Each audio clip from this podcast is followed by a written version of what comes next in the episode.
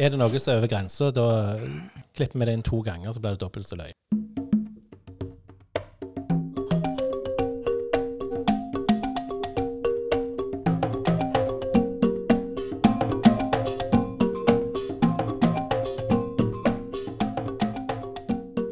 Da er vi inne fra podkasten Er du helt grønn? Og her sitter vi, Morten Etland, og Roger Sjursen, som vanlig. Grønnskålingene. Ja. En liten hemmelighet er at vi har en eh, gjest med oss òg i dag, men det får du ikke vite før om en liten stund. Nei, dette er første gangen vi ikke er alene, meg og deg i studio. Og det var litt herlig. Kunne høre andre sine tanker der òg, ikke bare høre på deg, Roger. Jo, takk. Eh, I like måte. Ja, ikke ta det ille opp, altså. Nei, jeg gjorde ikke det. Jeg bare måtte kikke på deg og se hva mente Morten nå. Mm. Mm. Eh, vi er da, som jeg pleier å si, en politisk unøytrale podkast med grønn slagside. Vi er jo med i MDG begge to. Mm.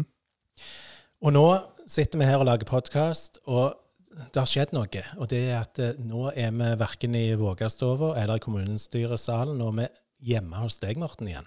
Vi er tilbake der vi begynte. Ja, Vi har funnet røttene våre igjen. ja vi går i sirkel. Mm.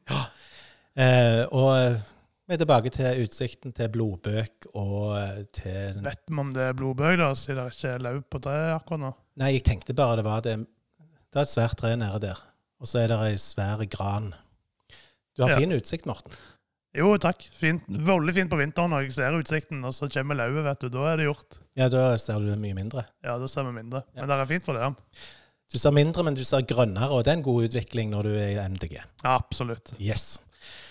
Jeg lurer på, har det vært noen utvikling eh, i lyttertallet vårt eh, siden forrige gang? Nå er dette fjerde podkasten, og da tenker jeg at vi må jo ha en utvikling. Ja, ja. Vi har en stabil utvikling. Fantastisk. En stabil nedgang. En nedgang i, i lyttere. Ja, ja, ja. Den første episoden vår som kom eh, 1. desember, den har 115 avspillinger. Ja. Episode 2, da gikk vi ned til 58. Ja. Og episode 3, som vi slapp for en måneds tid siden, den er nede i 50. Så nå nærmer vi oss snart null lyttere. Det er jo en utvikling som vi fant ut forrige gang.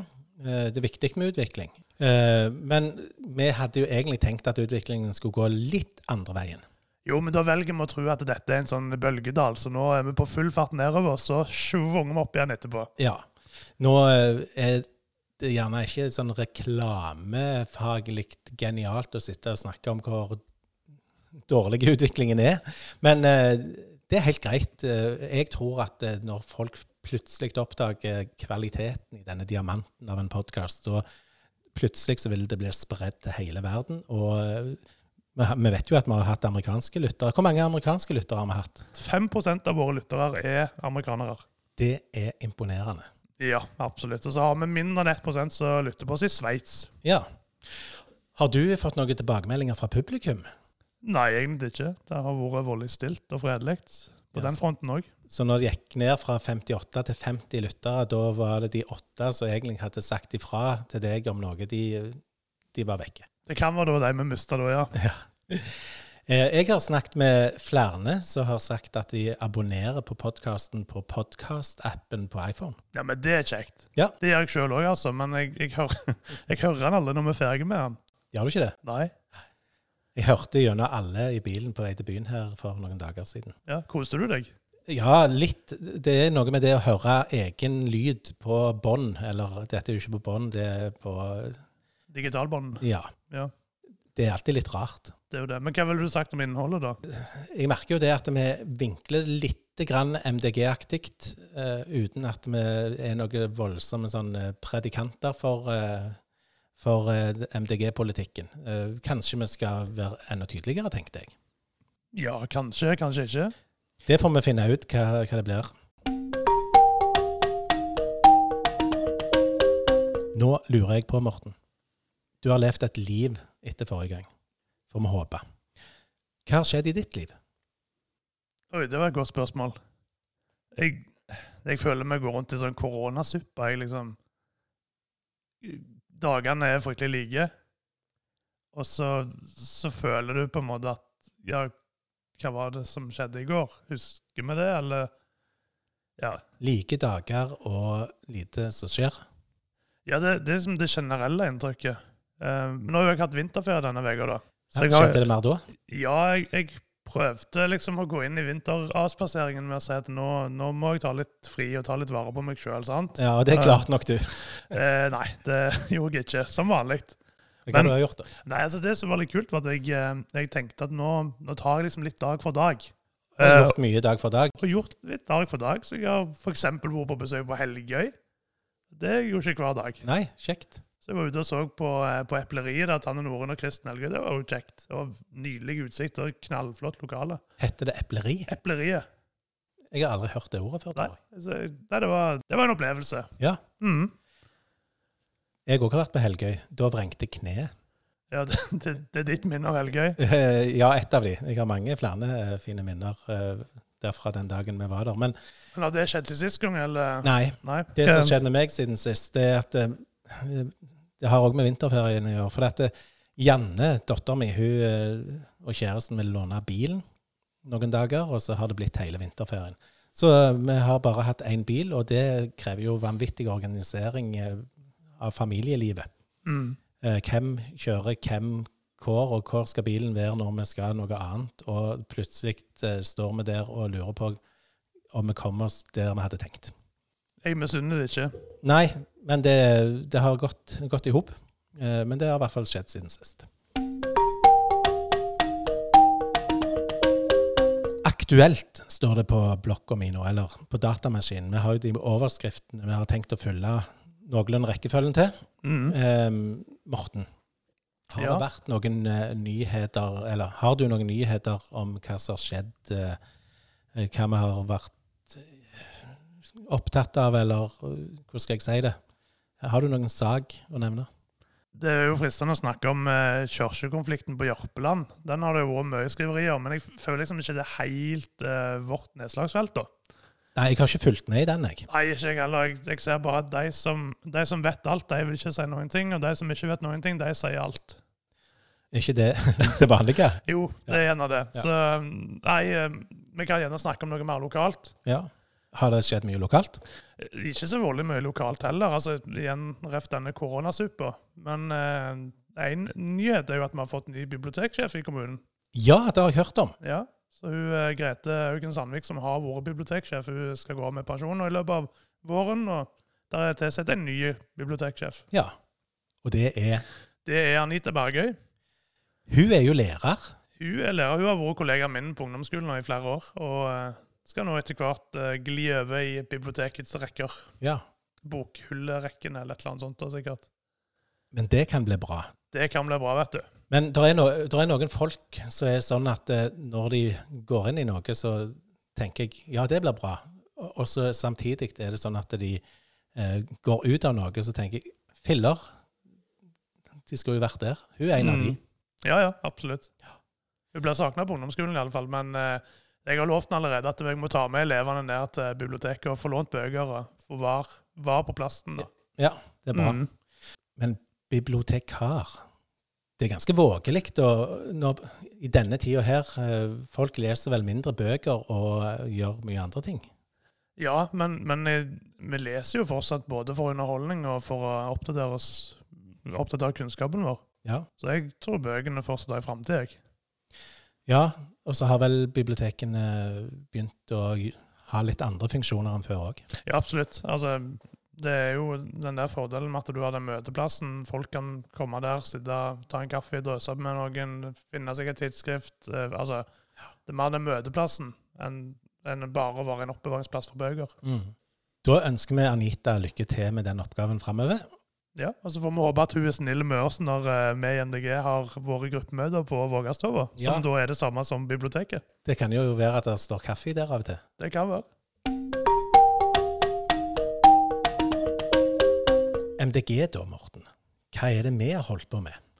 Jo, vi har hatt nytt møte i areal- og forvaltningsutvalget. Og så har vi vel hatt et kommunestyremøte òg siden sist. Ja, Er det noe å fortelle fra de to plassene, eller hva heter det, de to arenaene, eh, møtene? Ja, politiske organer, kan du få lov til Ja. å kalle det. Jeg kan Mm. ikke alle de ordene, jeg vet du. Men Nei, det er godt men- jeg har deg her. Du er den politiske fasiten min, i hvert fall. Det er godt jeg kan få lov til å være det av og til. Ikke alle syns vi er en politisk fasit, og det er derf- derfor vi er der. For at eh, folk kan oppdage at eh, det er mye lurt i MDG sin politikk. Ja, og sist gang så har jo vi vært med i en, i en sak Ja, altså Det er jo fullt i dilemma, denne politikken, og, og i denne saken. Eh, kortversjonen det handler om, om noen som har lyst til å bygge et hus eh, midt i Hjelmeland sentrum. Ja. Der det tidligere sto ei lita hytte, og så har de revet hytta, og så har de bygd en enebolig der allerede, i to etasjer. Og så har disse lyst til å bygge en eh, enebolig på sida der igjen, med to og en halv etasje. Og så ble det vedtatt først at den øverste etasjen den skulle de ikke få lov til å bygge, for det ville ta utsikten for de bak. OK? Ja, og så klagde disse på søknaden og fikk den behandla på ny. da. Og I mellomtida har de prøvd å liksom, trekke huset vekk, lenger vekk fra naboene, senke høyden på taket og litt sånne ting. Eh, og i tillegg ta vekk litt av den toppetasjen. da. Det var tenkt som en levegg på en eh, dagterrasse. og så er den tatt vekk, den òg, sånn at du, du reduserer det arealet som kan stenge utsikten for deg bak. da. ok. Ble det bra nok da for arealet og for alt? Hva er dette? Ja, Areal- og forvaltningsutvalget. Ja, Det er et langt navn. Mm. Så det, vi var jo med og lagde et forslag der med, med KrF, da, som fikk flertall nå sist møte. Eh, men så jeg, jeg nevnte jo det var fullt av dilemma. Ja. Og det er jo en sånn sak som, som er et vanskelig dilemma for oss. Um, vi tenker jo i utgangspunktet at vi vil trekke boligbygging vekk fra landbruksjord. sant? Få Ja. det opp på knauser og plasser der, der du ikke kan ha noe annet uansett. For å ikke bruke opp det vi har. Ja, rett og slett. Eh, å bygge tettere har vi vært for. Altså, dette var ei svære tomt med ei lita hytte, og nå har det blitt eh, av to hus. og Det ene huset skal i tillegg ha en utleieleilighet. Mm. Så snakker vi om tre bueininger da, på det som var ei hytte tidligere. Ja. Um, men selvsagt, dette er jo midt i et sentrumsområde, så vi vil jo ta utsikten fra noen. Og det ser vi jo gang etter gang. Hver gang vi snakker om, om å bygge nytt og fortette, så tar vi utsikten fra noen andre som allerede er i byggefeltet. Det er et dilemma, ja. Og så har vi jo i den regionale transportplanen for Ryfylke Der er noen mål der for hvor tett vi faktisk skal bygge i Hjelmeland sentrum. Og selv må jeg gjøre det som vi nå snakket om, å ta den ene hytta om til to hus, og det ene huset har utleieleilighet. Altså, der er fortsatt for god plass rundt de. Så egentlig, så ifølge den planen som du nevnte, som jeg ikke husker navnet på, så skal det være enda tettere. eller burde det vært enda et hus der eller noe. Mm. Ja. Det skulle ha vært enda tettere, men, men nå får vi på en måte klager for det at det blir for tett og tar utsikten til folk. Men vi bygger ikke tett nok i forhold til den planen som sier det at vi skal bygge enda tettere i sentrum. Nei. Og da er dilemmaet enten bygg mye og kom i veien for noen, eller eh, ta hensyn til de som vil beholde utsikten. Mm. For utsikt er jo en verdi. Utsikt er en verdi. Den skal vi ikke kimse av. Ja, har det blitt noe resultat av dette? Ja, du har jo de som, eh, som kommer til å miste utsikten sin, de har da klagt på dette igjen. Så da blir det en ny runde i areal- og forvaltningsutvalget på, på den klagen deres. Ja. Og da har vi ment noe i den saken. Ja, vi var jo med og lagde det forslaget som ble vedtatt med flertall. Som da handler om at vi vil trekke eh, boligbygginga vekk fra landbruksjord og nytte plassen tett der vi kan i sentrum. Alltid når jeg har tenkt på politikk, så har jeg har jo liksom inntrykket fra TV om disse store eh, sakene og sånn, men dette er jo helt nær på jorda og konkret. Vi er så heldige, for at, uh, vi har en sponsor uh, som hjelper oss med å komme i mål med denne podkasten. Og det er Hetland Media. Som stiller med utstyr og lokaler gang etter gang etter gang. Det er fantastisk. Eh, Det å ha sånne medhjelpere, eh, støttespillere, noen som på en måte backer oss, det det er god hjelp. Eh, Altså, nå er jo det deg, da. Ja, det, det har seg sånn at Hetla Media har skaffa seg podkastutstyr. Og det er jo greit å kunne låne det ut til MDG når MDG vil lage podkast. Ja, så eh, vi vil gjerne takke Hetla Media for eh, god backing i arbeidet. Det vi ikke har nevnt før, det er at eh, det er et annet firma òg, som heter Roger Sjursen, eh, så òg er veldig positive til det som skjer i denne podkasten. Det høres veldig bra ut, men, men da er det jo bare to firma som eh, har meldt seg som sponsorer her. Vi må jo si at det, der, det er lov for flere til å melde sin godvilje til å støtte MDG sitt arbeid. Ja, enten gjennom kaka til kaffen vi har her, eller uh, på andre måter. Uh, alt. Alle monner drar, er det det det heter? Mm. Hva er monner? Jeg vet ikke, men de drar. Jeg har gleda meg sånn til dette punktet her. Kaller vi det punkt nå, eller kaller vi det stikk? Innslag. Herlige Hjelmeland. Ja, nå er vi på herlige Hjelmeland. Jo takk. Jo takk. Og publikum er vidle. Vilt publikum, det skal du ikke kimse av det heller. Hva er kimsing, da? Jeg vet ikke. Jeg vet bare at du skal ikke gjøre det i en del sammenhenger. Så jeg, jeg lar være å kimse på generell basis. Jeg. Ja, Men vi noterer oss det. Herlig Hjelmeland er altså det innslaget, stikk eh, spalta, så omhandler ting som er eller skjer i, på Hjelmeland. Eh, alt dette så vi finner ut av eh, at det er noe spennende, og så gjør livet på Hjelmeland litt ekstra bra. Hvor i kommunen skal vi? Mot eh, strand, og da kom vi innom Årdal. Der var vi forrige gang. Det var vi sist òg, ja. Vi var i eh, Smittacrossen, og Nei, det var to episoder siden. Var det det? Sist gang var vi i Målfadle. Ja, men eh, Mollfadlet. Ja. Vi har hatt så mye fantastisk. Ja, det, det går rett og slett i surr så mye vi har laga i denne podkasten. Ja, men fra Mollfadlet og videre gjennom Fister og til Årdal. Når du kommer forbi Riskedalsvatnet, så kan du svinge til venstre opp eh, Hva heter den Meleveien? Meleveien, ja. Der skal du helst ikke svinge til venstre, for der er det gjennomkjøring forbudt. Så der skal du kun hvis du skal på besøk til noen. Ja, hvis du ikke skal kjøre gjennom. Ja. Ja, det er helt riktig. Og så har noen eh, foreldre Jeg går ut ifra det er foreldre som er glad i ungene sine, hengt opp et skilt der. ja. På den veien. Ja, ikke på selve veien, men eh, langs veien. Mm. På venstre side når du kjører fra Riskedalsvatnet-enden. Og på det skiltet, jeg husker ikke akkurat hva det står, men det er et eller annet sånn Når du først skal kjøre her, bruk ved. Det kan være dine unger som leker her. Og det, det er litt interessant, eh, for de har eh, tenkt markedsføring her. Av eh, hva da? Ja, for det står når du først skal kjøre her, bruk ved. Ja. Så Kjører du et par minutter opp gjennom Årdal, rett over elva, og så henger det et skilt der. Ved til salgs.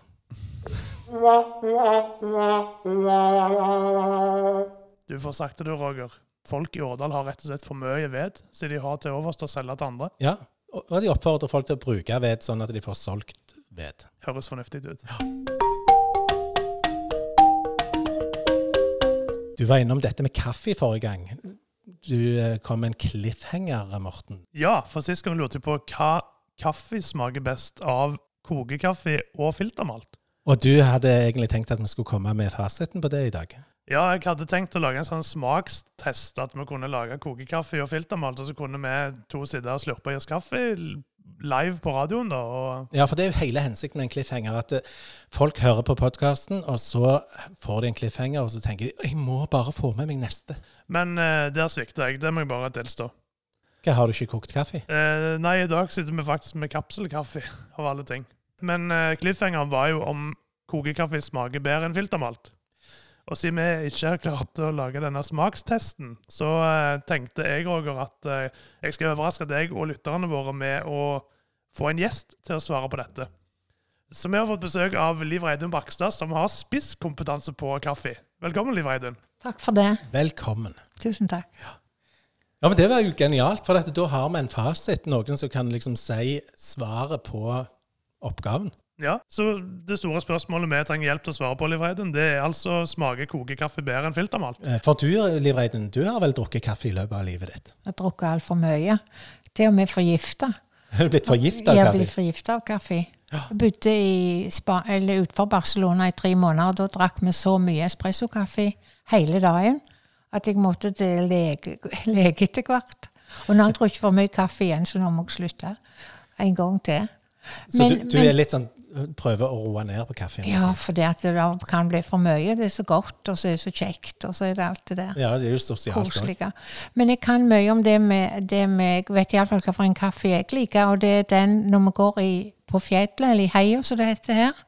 Har med en kaffekjel som er svarte, som vi kaller for svarten, og så kaffe, sånn som er molen. Og så lager vi bål ute i, eller i nærheten, eller ute i en bekk. Og Ja. samle kvister, tenne opp, henge kaffekjelen over. Og det, den smaker best i hele verden. Gjør den det? Ja, jeg gjør det. ja, den opplevelsen du forteller om nå, da tenker jeg det, det er jo hele opplevelsen som gjør at jeg Ja, men den den. kaffen, du aner ikke hvordan den lukter, hvordan den smaker. Og så har du med ganske god matpakke, og så går i fjellet. Og før så var vi jo da på Må- Måmyra eller rundt omkring der, så det var så mye molter og tytebær og alt dette her. Så, men som nå er det jo dyrka, så nå er det ikke Selv om den myra var blant de en av de få sortene i hele Norge som det ikke er nesten noen av. Men det, den der fredinga kom for seint, liksom. Men du har altså vært der og oppe i fjellet og på ei myr og drukket kokekaffe. Ja, både, både i hele Ryfylkeheia og rundt her oppe. Ikke sant? Oppe på Skorv og rundt omkring. Myklagårdsvatnet opp gjennom alle veier. Da hadde vi kaffekjelen med. Ja, for det, det jeg kan tenke meg det at det, det er ikke ofte du drikker filterkaffe i, i fjellet. Nei, men jeg syns filterkaffe er helt forferdelig, så det er jeg veldig glad for. At Ja. vi ikke kan ha med sånn kanne oppe i fjellet. Ja, sånn, Og, ikke, og det med sånn drikke kaffe fra termos når du er på heiatur, det er jo ingenting i forhold. I forhold til kokende sjø? Nei, det er det ikke. Det er det ikke.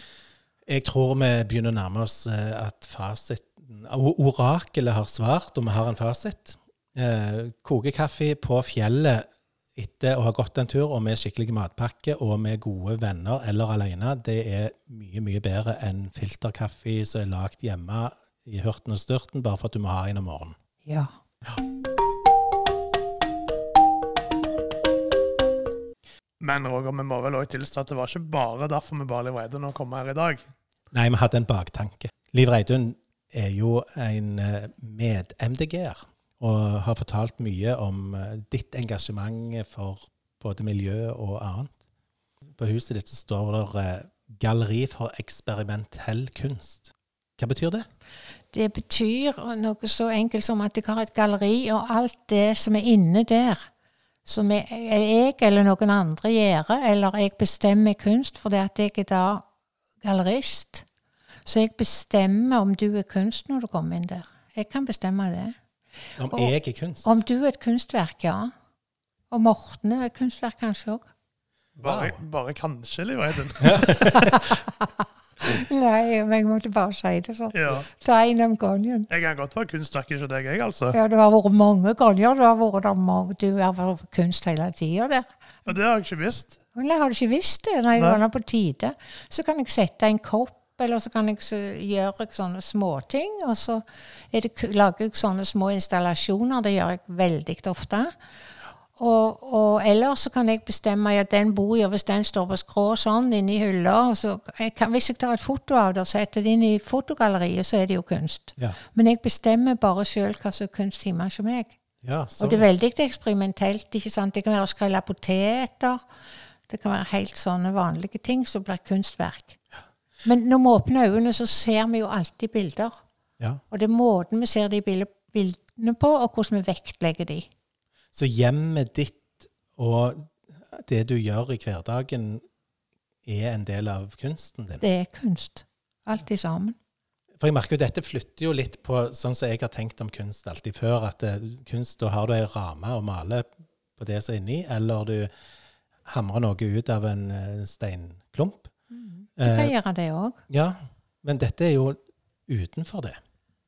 Ja, det kan du godt si. Men hvis jeg da i tanken lager ei ramme rundt de gitarene som jeg ser her borte, så det er klart at det kan bli Eller det er kunstverket mine, og trenger ikke ramme heller. Altså, jeg bestemmer altså hva, hva som er kunst, da. Ja, Så enkelt og så veldig kjekt og greit å kunne det. Det er jo kjempeinteressant. Hvor lenge har du drevet på med dette, Liv Reidun? Det har jeg vel gjort alltid, tror jeg. Omtrent fra jeg var liten. Alt dette her. Å kunne se de små tingene, og så se det veldig fantastiske i alt. Jeg hadde, når jeg var liten, så hadde jeg en stein der oppe som tørka klær, og der var det ei blåbærtue bak den steinen. Og den fulgte jeg nøye med på. Fra den blomstra med sånne røde kuler, og så ble det grønne, og så ble det blå, pille med en blåbær. Og samme med epler og pærer og alt det der. Jeg vokste jo opp i Askvik, og med den frukthagen og dette, så var det bare ene under etter det andre. Og vi hadde høner og ku, og det, hønene de la jo egg, og kuen og den, eh, der kom for melk og fløte og smør og vet ikke hva vi ikke kunne få. Og alt dette var kunst Det, deg? alt dette var kunst. Stor kunst. Det, det, er fra, det er fra sånn ufattelig. Men hvis du bare tar ei høne, tar et fint bilde av ei høne, Ja. Eller du maler den, for eksempel. Og rammer inn, som du sier. Men for meg så trenger ikke alle de rammene. Nei. Nei. Du klarer deg uten rammer hvis du vil. Ja, jeg ser alt uten rammer. Jeg syns det er litt tøft det som Liv Eide snakker om der. Altså, vi, vi er gjerne vant med å tenke at når det er i ei ramme, så har noen sagt at her, det- se inni denne ramma, for dette er kunst. Men det litt tøft det du lever i, den snakker om, at eh, du trenger ikke de rammene for å se at det er kunsten. Du bare Nei, bestemmer det. det. Og så går jeg jo sjøl, jeg jobber jo med performance, jeg har jo gått rundt i hele verden. Og da, det som jeg har på meg, de objektene jeg har Det har veldig mye vært jordkloden. Veldig mye. Morten var, og jeg var jo i New York. Jeg bærer jo da på en oppblåst jordklode med plaster og bandasje. Ja, altså, For å forstå dette. Du reiser hjemmefra, og så har du med deg ei jordklode. Eh, eh, Hvor stor er den? Ja, den er ganske stor. Det er en sånn stor badeball, for å si det sånn, som jeg plastrer og bandasjerer og sånn. Så du tar den med deg ut Tar i den verden? Med, ut i verden, alle veier. I Roma, i New York. Hva, hva bruker du den til, da? Jeg viser, og så kler jeg meg litt sånn såpass spesielt at du ser både meg og den. Og det er, jo, det er jo veldig mye det jeg gjør, ikke sant? men da er det jo er òg bilder som er uten rammer. Ikke sant? Altså, jeg kan gå inn i en butikk, jeg kan gå, inn på, kan gå på jernbanen, vi kan reise med båten vi kan, Altså, hele veien da så danner jeg et bilde som folk ikke har sett før. Altså, Ja. de, de har vanskelig for å glemme mange.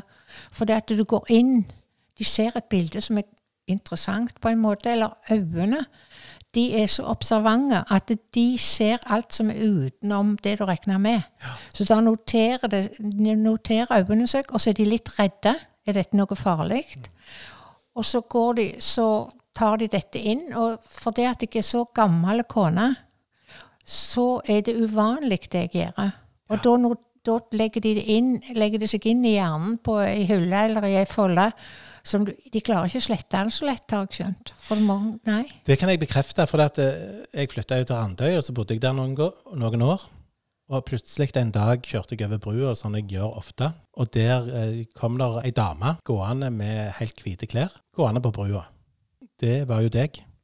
Og jeg tenkte på hvorfor all verden velger å ha på bare hvite klær. Jeg visste jo ingenting om hvem du var. Jeg la merke til det, og så eh, plutselig en dag var det et hus med svært nett over. Mm. Ei blå fiskenot. Ja. Og da hadde jeg jo hørt om deg og truffet deg et par ganger, og så så jeg at du hadde kledd huset ditt med ei blå fiskenot. Det, det er jo noe jeg legger merke til. Det, det skjer jo noe. Det er noe uventa. Ja da. Og det er liksom Det er en del av det. Men det har jo akkurat at jeg på en måte, hva skal du si, lager et bilde som folk ser som de ikke hadde regna med å se.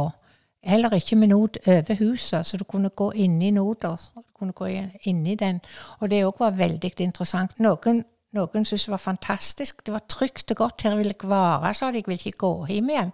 Og andre ble så redde. Til og med jeg holdt på å si kultursjefen måtte se hvor utgangen var før han kom inn. Og det er, det er Noen ser, så bare rutene. En fra Årdal sa at her kunne jeg hatt høns inne i noter, for da ville ikke hønsehaugen kunne ta dem. Så forskjellige opplevelser av den, den hva skal jeg si, det kunstverket der, hvis du skal kalle det det. Men hadde du noen tanke bak hva, det, hva, hva du ville med det? Det heter internett. Og det betyr jo alle er inni i samme internett, det holdt jeg på å si, mer og mindre, enten vi vil eller ei. Samtidig så dreier det seg om de eksistensielle sannhetene, holdt jeg på å si. Vi blir født omtrent på samme måten, vi blir utsatt for øh, livets, livets og skjebnens spill. Og så skal vi videre herifra. Sånn at det er de eksistensielle grunnleggende er alle i samme nettet. Det er tanken. Det er min tanke. Så kommer noen med hønsehauk og forskjellige andre ting. Men for meg så var det akkurat det med det, med det at vi er sammen. Og at det internett heter det, så det var også tatt med der. Internett over huset ditt og hvite klær og eh, jordkloder med bandasje. Hva vil du dette skal føre til? Eller Jeg kan jo ikke forandre verden eller jorda selv om jeg hadde hatt lyst til det, men jeg kan gå rundt som en vekker. Og sånn som jeg var på Venezia-binalen, og da hadde jeg den, den kjolen med verdenskartet og turbanen, og hadde jeg, da hadde jeg plaster og bandasje på meg sjøl. Og da møtte jeg folk som sa annet at eh, vi vet at jorda er i krise, vi vet at alt går, går veldig gale her, men vi vil ikke vite det. Ja. Og det er akkurat det, det, er akkurat det at det, det som jeg prøver å si vel, i mange av de arbeidene, det er beskjeder på en måte. Og så er det sånn at noen går videre med det. Og når jeg er i Venezia, sånn, så har jeg holdt på å si tusenvis av tilskuere. Jeg ble fotografert, jeg ble brukt uh, gjengitt rundt omkring i hele verden. Absolutt hele verden. Sånn at det er jo, det er jo bare egentlig kommentarer på det som jeg syns at vi ikke ser eller ikke tar vare på i livet vårt. ikke sant? Altså det, og slik som vi lever, at dette kan ikke gå, vi må ta mer hensyn til, til dyr, og selvfølgelig mennesker. Og, og, Og da høres det jo ut som at det er en sammenheng mellom det du gjør som kunstner, og engasjementet ditt i MDG. hører veldig nøye sammen. Jeg har vært opptatt av dette fra jeg var liten, egentlig. Men jeg kjenner òg det at vi Sånn som på Randøyna nå i fjor, så var det mest ikke insekter som meg. Mm. Og så har jeg jo prøvd å, for eksempel, å få, få den kløveren til å stå i veigrøftene, men det er ikke tale om, liksom.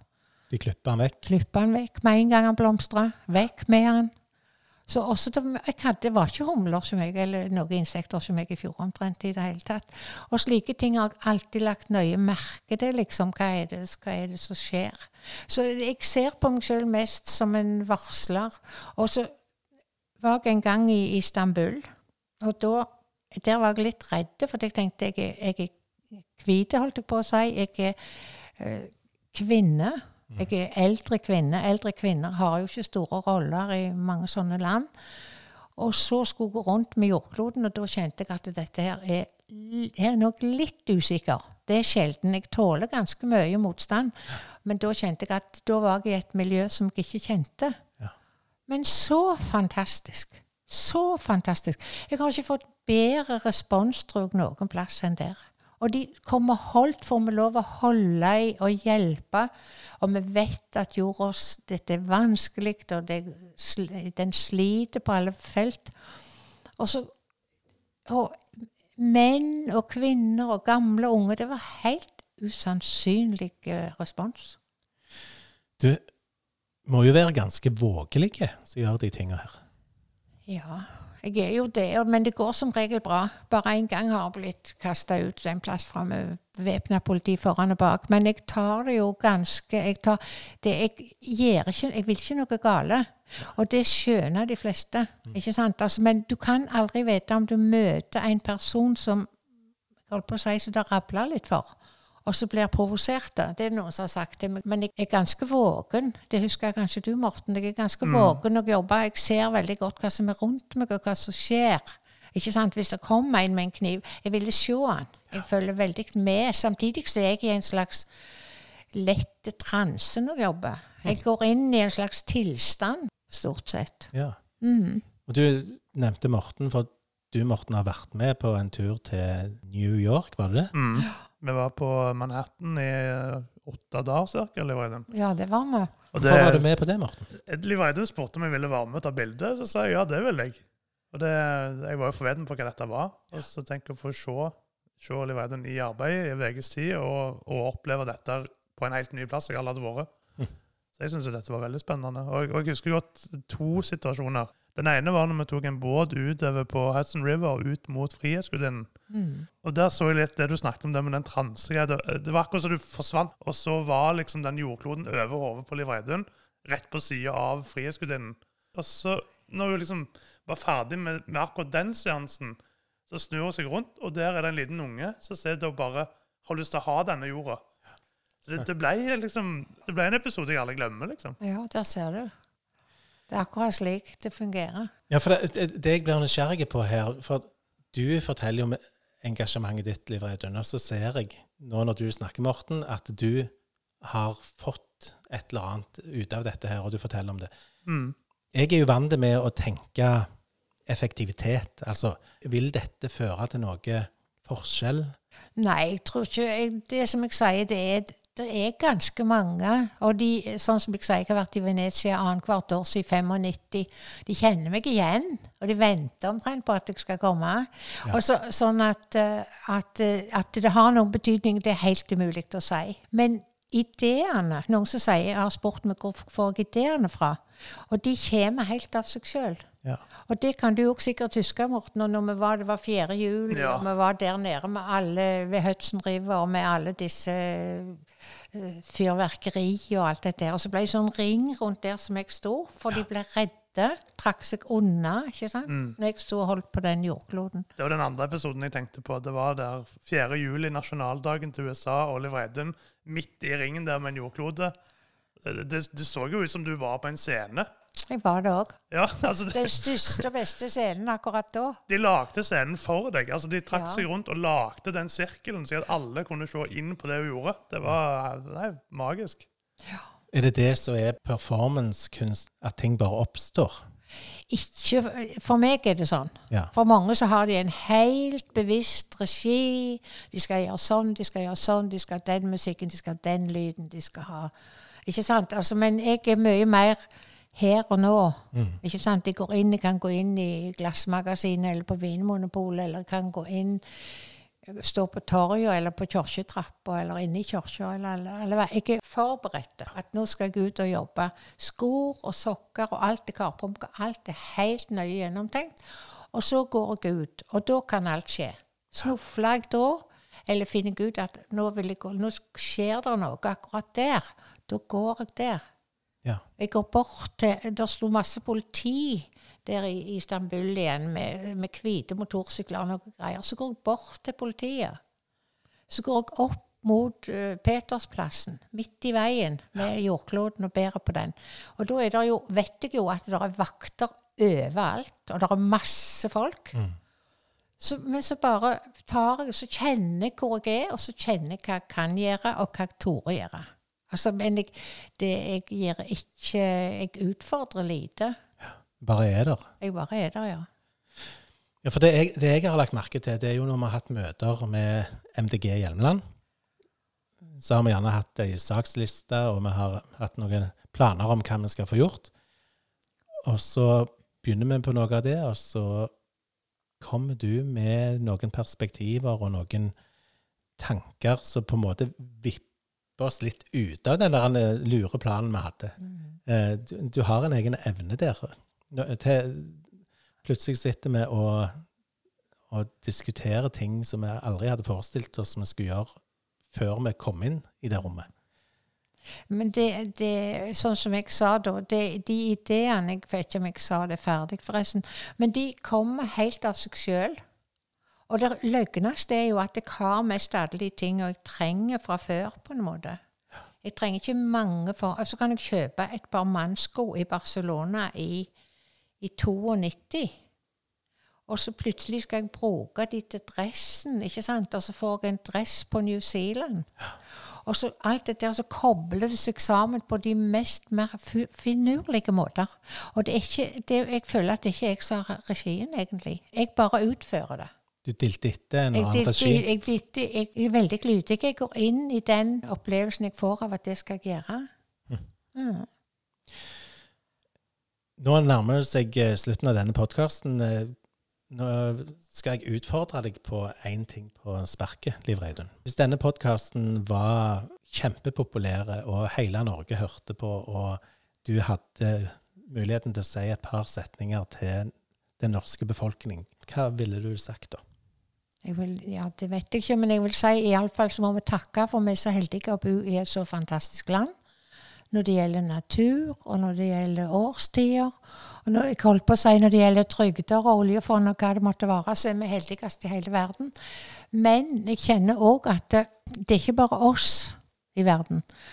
Og hvis vi ikke tar vare på hverandre og tar vare på planeten og tenker oss om når vi ødelegger miljøet, så tror ikke jeg at det går. Altså, så vi må være ganske mange.